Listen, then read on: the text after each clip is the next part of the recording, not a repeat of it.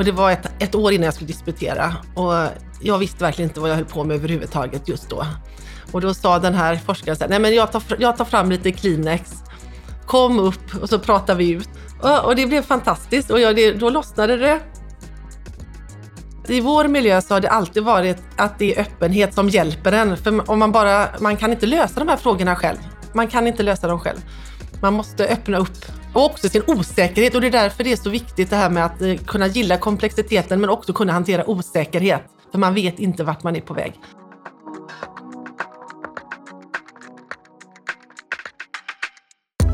Hej och välkomna till Forskarmötet, Handelsrådets podd om aktuell forskning och om forskningsrollen. Eh, med mig Ylva Åkesson från Handelsrådet och idag med mig här mittemot sitter Kajsa Hultén. Hej! Hej! Du är biträdande professor i Supply Chain Management på Chalmers i Göteborg och du är också aktuell hos oss på Handelsrådet med ett forskningsprojekt tvåårigt och ni är i halvtid just nu.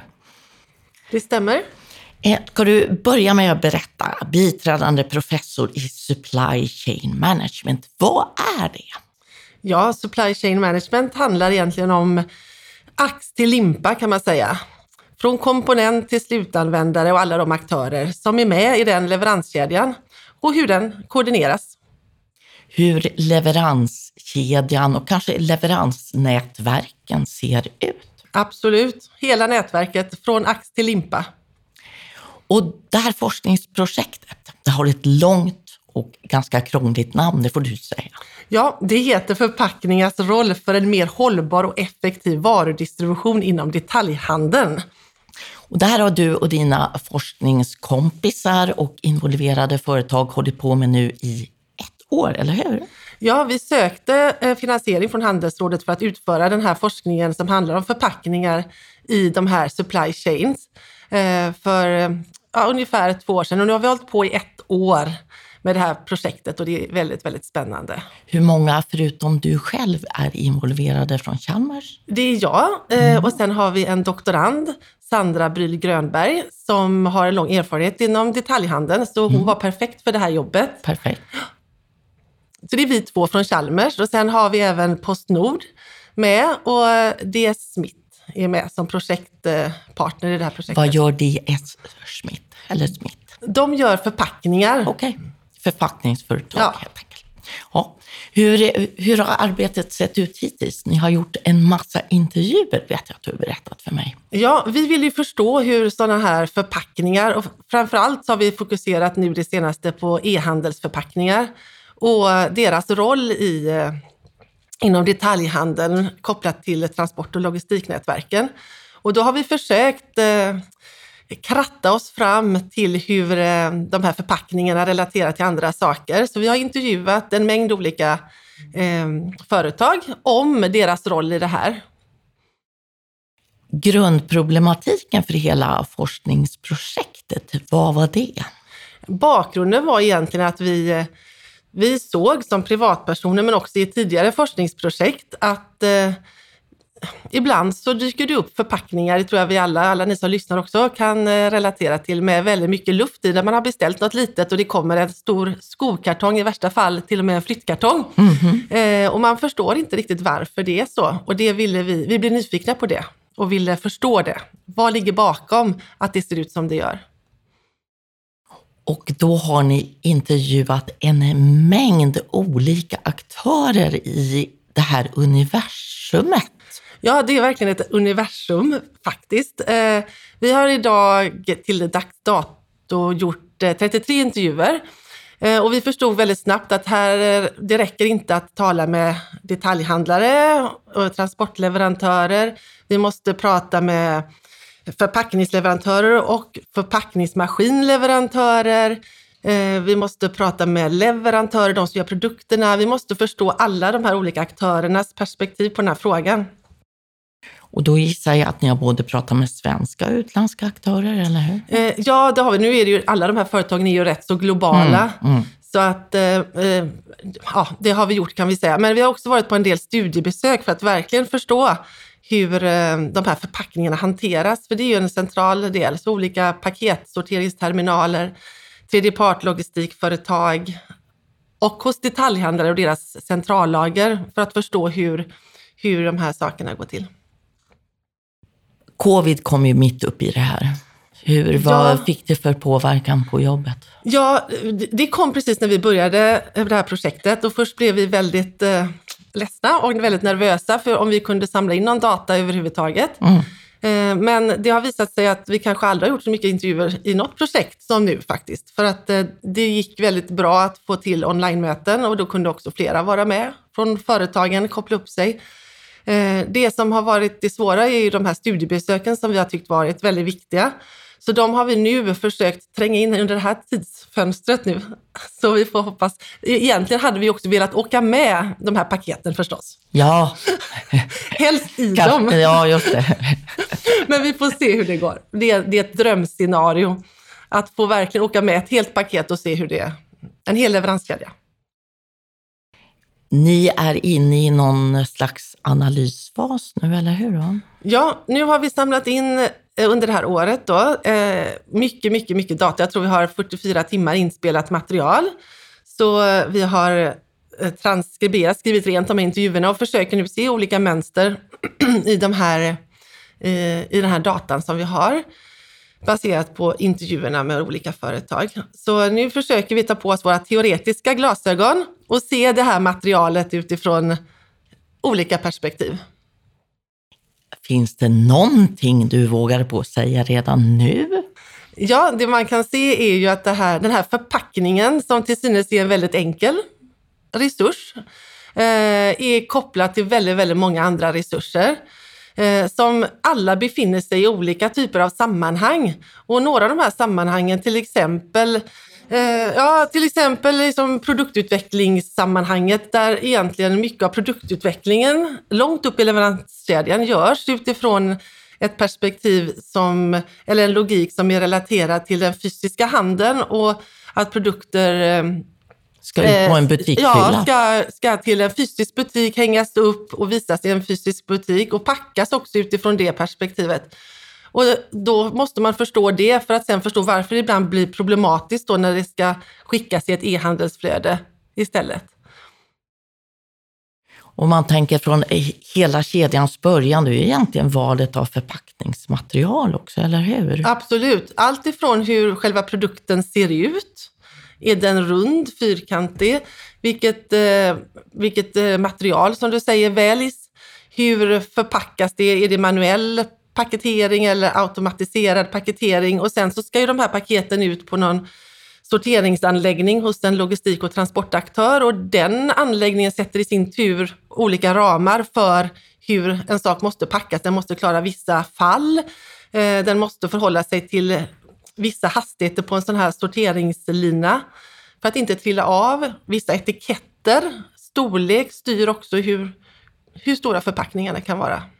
Bara en sån här väldigt konkret bild, alltså det här transportbandet, det är ju då, eh, har ett visst mått, Ja. eller hur? Absolut. Lådan kan inte vara för stor.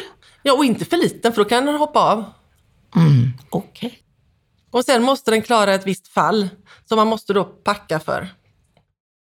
När ni har undersökt det här, har ni tittat på sällanköpsvaror enbart eller är dagligvaror med här också? Vi har inte tittat på dagligvaror än. Men det är absolut ett intressant eh, eh, område och där ökar ju graden av e-handel mycket också. Och har gjort så inom, eh, efter, i, i pandemin. Men vi har inte fokuserat så mycket på det. När ni har varit ute och bett om att få eh, komma och prata eller prata över, över nätet med de här olika företagen, hur lätt är det att få tillträde som forskare kring det här? Är det så att just ämnet är brännhett nu så att de, ja, jag, jag vill verkligen lufta mina tankar kring det här och kanske få lite tips från er? Ja, jag tycker att eh, ämnet är verkligen brännhett. Det märker man. Vi får även personer som ringer till oss och vill vara med i studien. Det händer ju annars väldigt sällan. Ah, mm. Så att det är absolut eh, många som är intresserade av frågan. Ehm, vi har, jag tror att i Sverige har vi generellt sett en väldigt bra tillgång till data om man jämför med många andra länder som styrs mer av sekretess. Eh, här är vi rätt så öppna, inte lika mycket hemligheter. Men vi är ju alltid väldigt noga med att när vi talar med företag, intervjuar företag, att vi erbjuder dem anonymitet eh, när det gäller att vi publicerar olika saker och så, så att de kan känna sig trygga, att de kan lämna eh, information till oss. Men det är ju alltid så också att det finns aldrig fri tillgång till information och det kanske hade varit ett drömscenario som forskare, att man fick tillgång till alla deras kunder, alla deras kunders information och datasystem. Men så är sällan fallet. Men eh, vi är ändå väldigt lyckligt lottade. Kanske hade varit lite läskigt också om man tänker på... Nej, det tror jag inte. Det hade varit fantastiskt. Men svårt förstås. Ja. Innan vi går in på det här som är tredje uppgiften, att sprida kunskap om alla de smarta saker ni kommer att komma fram till. Hur är gången nu? Ni analyserar och om ett år, vad kommer vi att få se för resultat? Ett är ju en rapport till Handelsrådet och en lättläst sammanfattning. Det är en sak. Vad blir det mer av det? Ja, det blir, vi, vi jobbar ju både med att kommunicera mot handeln och handelns aktörer, men också andra typer av aktörer som är intresserade och involverade i den här frågan förstås, som du säger. Men vi är också eh, beroende av att eh, vetenskapligt meritera oss och publicera i olika typer av vetenskapliga journaler och, och visa upp det här på konferenser och diskutera det. Och då är det en annan typ av text än den som de som gillar oss på Handelsrådet kommer att se, eller hur? Ja, det är väsensskilt kan man säga. Berätta lite kring hur. Den processen, den, eh, ja, det är ju, det är ju en, det är en värld i sig, den akademiska publiceringsgången kan man säga. Det börjar ofta med att vi, vi har gjort en studie, vi har analyserat med våra teoretiska glasögon kommit fram till något vi vill uttala oss om som har eh, bäring på det vetenskapliga samhället. Eh, och då skickar vi ofta in en sån till en konferens och så presenterar vi den och får synpunkter av... En specifik forskningskonferens. Forskningskonferens, ja, ja. precis. Mm. Exakt. Och då eh, får man input från andra forskare och så går man hem på sin kammare och så skriver man om sitt manus och så skickar man det i bästa fall till en journal, en vetenskaplig journal som sen skickar ut den här på eh, review eh, av forskare, eh, forskarkollegor världen över som får granska den här eh, publikationen och så får man input efter några månader och så får man skriva om och så kanske man får input igen och sen kanske man kan publicera. Och när man skickar in då är man anonym ja. och de som gör den här peer review, alltså ja, översynen eller vad man ska ja, granskningen. säga, granskningen, de är också anonyma, eller Ja, hur? absolut. Och det är väl det som, som är väldigt viktigt. Det ska inte finnas några jävsituationer eller man ska inte bli antingen ja, väl behandlad eller illa behandlad för ens namn då. Eller kön. Och du säger det här är en internationell hantering. Därmed innebär det att man skriver på engelska. Ja, ja enbart på engelska. Bra. Och om ni nu om ett år har levererat den här lite lätt, mer lättlästa rapporten till Handelsrådet, hur lång tid framöver kanske den här fina publiceringen i den ansedda journalen ligger framåt i tiden? Ja, de processerna är dessvärre väldigt mycket längre. Handelsrådet granskar inte våra publikationer på samma sätt. Nej. Men, nej, men vi pratar eh, oftast minst ett år från ett första inskick till en journal innan den publiceras. Men det kan också ta flera år faktiskt, upp till tre år. Det gäller att hålla ångan uppe här helt enkelt. Mm. Tålamod. Tålamod och lite nörderi. Mycket nörderi. Ja, just det. Eh, det här med tredje uppgiften, att sprida forskningsresultat både högt och lågt. Och då sa du och lät så glad, jag har aldrig varit med om ett projekt som har haft så mycket kommunikation kopplat till sig så stort intresse för vad ni gör, även om ni ba bara är halvvägs nu? Ja, det har varit fantastiskt. Det har aldrig varit så mycket intresse för någonting vi har gjort innan, tror jag. Och det har väl att göra med att det här är en sån aktuell fråga även alltså för alla konsumenter som e-handlar. Eh, som, eh, och alla vi talar med, alla som har ju, är ju också privatpersoner och är involverade i den här frågan på ett eller annat sätt. Eh, så att den, den blir så synlig och därför är det väldigt, väldigt tacksamt. Eh, I andra forskningsprojekt eh, så är det ju ett fåtal som är intresserade, men den får inte den spridningen så lätt då. Det finns ju som lekman en mängd frågor som man har kring det här. Och jag kör några av dem. Du, du kan bara reflektera lite utan att ha direkt forskarhatten på dig. Mycket kring e-handel handlar ju om hållbarhet nu. Det, det är både för många returer beroende på vem man frågar och förpackningsmaterial till exempel. Ikea har gått ut och sagt att man ska skippa plasten i, ja framöver i alla fall gradvis. Reflektera kring det. Är, är hållbarheten något av det som har drivit upp intresset tror du? Hållbarheten är absolut tror jag, den starkaste drivkraften för det här projektet och för eh, företags och konsumenters intresse i frågan. Det, det är jag övertygad om. Men sen problemet är att hållbarheten är så komplex i sig, för det finns hållbarhet ur så många perspektiv, även kopplat till den här frågan. Vi har, som du säger, materialvalen. Är det alltid bättre med papper än plast? Eh, det finns ju de som hävdar att det inte är det, det beror på. Eh, du har hela frågan kring att skicka luft som har varit väldigt aktualiserad. Hur får vi bort luften i paketen så att vi kan få in mer paket i lastbilarna? Eh, och olika, och då blir det, när man, gör, man försöker hantera hållbarheten utifrån ett perspektiv så är det inte nödvändigtvis så att det blir bättre i andra avseenden kanske. Så därför är det en väldigt komplex fråga. Men absolut så är det, jag ska säga att det är hållbarhetsfrågan som driver viljan att förändra i systemet. Det finns ju en kostnadsaspekt också och då, då är det här med fria returer och fri frakt. Absolut, det, det, är ju någonting vi, många forskare som håller på med transport inte, inte ser så väl på. Då. Men många företag säger ju det är toppen för oss. Ja, absolut. Och där har vi också återigen ett exempel på olika perspektiv som krockar. Och här måste man ju se att om de stora aktörerna inom handeln eh, driver på den här frågan att, att det finns någonting som heter gratis transporter, så eh, tror folk att det är, transporter är gratis. Och eh, då är det svårt för de mindre handlarna att eh, göra någonting annat. Så här är, är det upp till de stora drakarna att gå före. Ser man något förändring. tecken på det? Jo, man, ser, man har sett tecken på att vissa eh, jag tror nu, nu, jag är inte helt säker på detta, Nej. men att Zalando för några år sedan hade till exempel eh, gratis frakt och retur på alla sina försändelser, men sen gick över till att man var tvungen i alla fall att handla för en viss summa för att få det. Du sa att det är, ur forskningsperspektivet så jublar man inte över det här med fri frakt och fri retur. Varför? Nej, för det genererar ju transporter. Att vi har hört talas om eh, sådana här, eh, det som har kallats för Zalando-party för några år sedan, där ungdomar i Tyskland beställde hem till fredag och sen hade roligt med kläder över helgen och skickade tillbaka alltihop på söndag. För det kostar ingenting. Eller att man beställer en av varje färg, en av varje storlek, provar i lugn och ro och sen skickar tillbaka.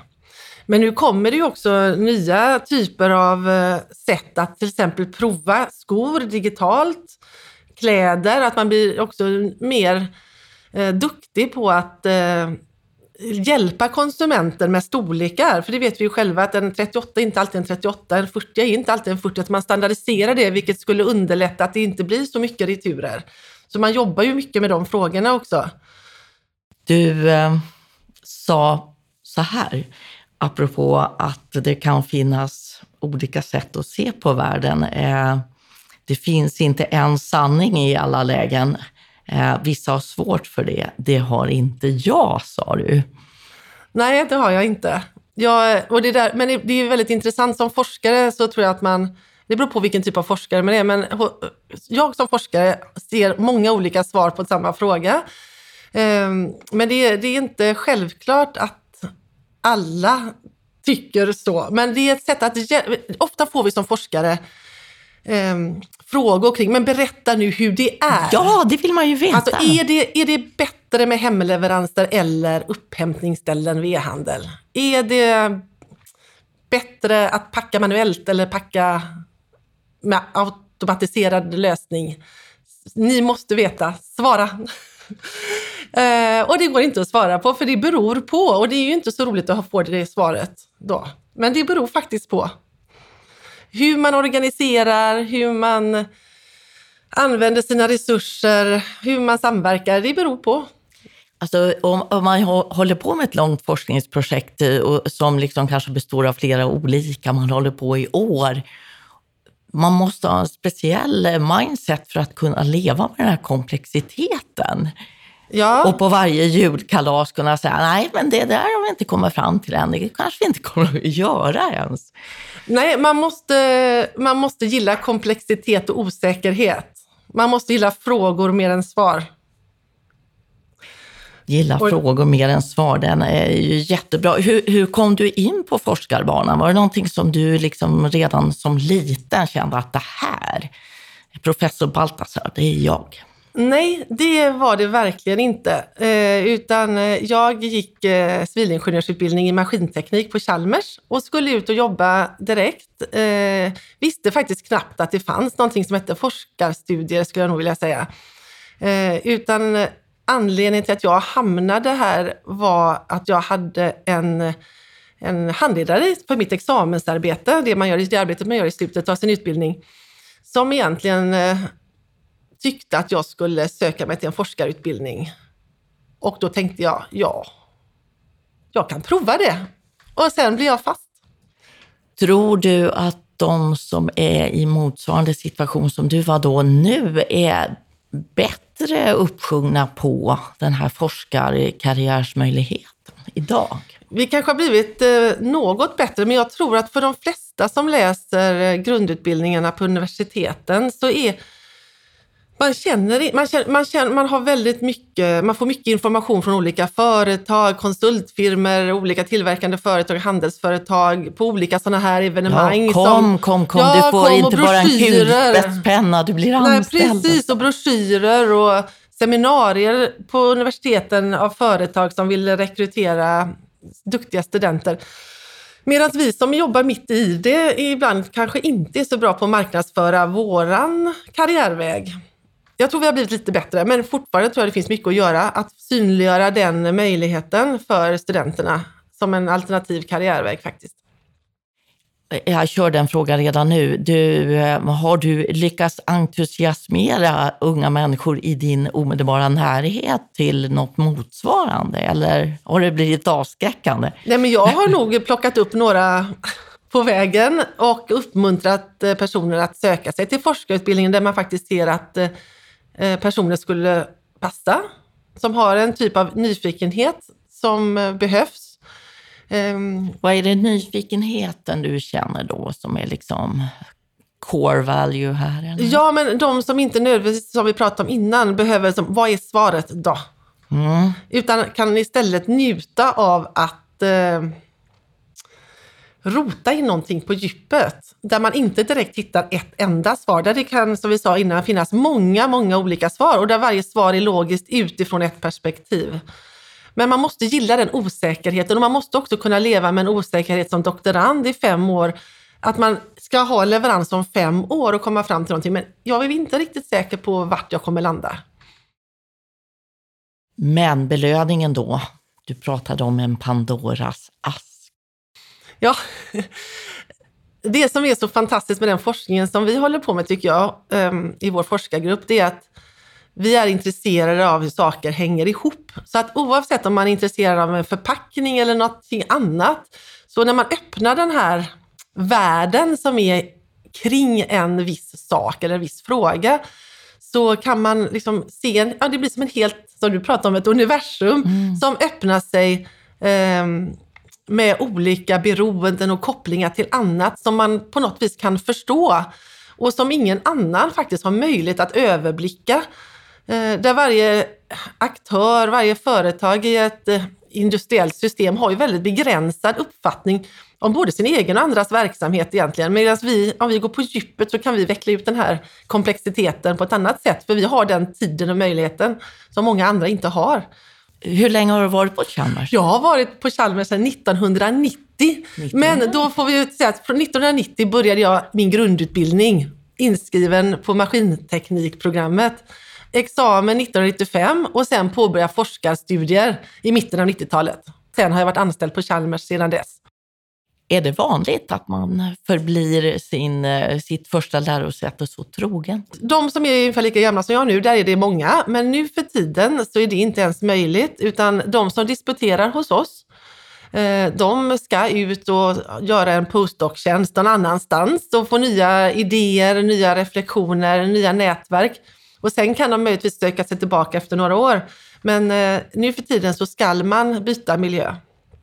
Och det är även så i det internationella eh, vetenskapliga sam ja, samfundet.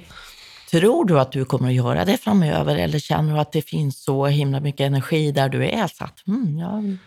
Jag, jag, jag är en fantastisk forskarmiljö, så jag har inga incitament att byta, men däremot så skulle jag mycket väl kunna tänka mig att vara på ett annat lärosäte som gästforskare under några månader eller ett halvår eller ett år. Och det är det många som gör. Man byter miljö ett tag, och, men man är fortfarande anställd på sitt lärosäte. Du berättade om någonting spännande som ni gör på Chalmers styrk. Ni jobbar i styrkområden för att undvika silos. Kan du berätta kring det? Ja, vi har ju våra eh, 13 institutioner på Chalmers där vi har vår vetenskapliga expertis. Eh, och sen så har vi sagt att eh, de stora samhällsutmaningarna vi står inför nu, de, de kan inte lösas inom ramen för de här ämnesspåren kan vi säga, utan då har vi sedan tio år ungefär tillbaka jobbat med det som kallas styrkeområden, där vi har identifierat sex stycken områden eh, som eh, till exempel transport som jag är närmast, eh, där man samlar all forskning som är kopplad till till exempel omställningen av transportsystemet som nu är aktuellt. Där behöver vi kompetens för, både från de som håller på med logistik och transport som vi gör och supply chain management, men även de som håller på med batteriforskning, motorutveckling, vad det nu kan vara. Så att vi måste plocka olika kompetenser som finns i de här institutionerna och sätta, liksom, sätta ihop nya konstellationer, låta människor som inte har mötts innan mötas för att lösa problem på ett nytt sätt där det behövs kompetenser för helt nya utmaningar. Så eh, det har gjort att vi har börjat jobba på helt nya sätt, i nya konstellationer. Vad gör du om du känner att du har arbetat med ett moment en vecka, två veckor. Du har pratat med dina forskningskollegor, men jag har ju kört fast. Alltså det är, mm. Har du något knep som man skulle kunna använda även till vardags i andra sammanhang. Men då pratar man ändå mer. Man pratar ja. ännu mer. Interaktion får... är lösningen. Ja, interaktion. Men jag tror det är rätt så personligt. Vissa forskare är ju mer forska på sin kammare och sitta och fundera själva. Jag fungerar inte så, utan jag måste interagera. Genom interaktion kommer jag på nya lösningar och man gör det tillsammans. Så att jag, det, det skulle jag säga att det, och det är därför det har varit jobbigt nu också under pandemin. För där har inte den naturliga interaktionen funnits i korridoren i fikarummet, utan man har fått aktivt söka upp interaktion mm. i ett Zoom-möte eller ett Teams-möte. Medan nu när vi börjar gå tillbaka så känner man ju direkt att interaktionen finns hela tiden där och det blir en helt annan dialog.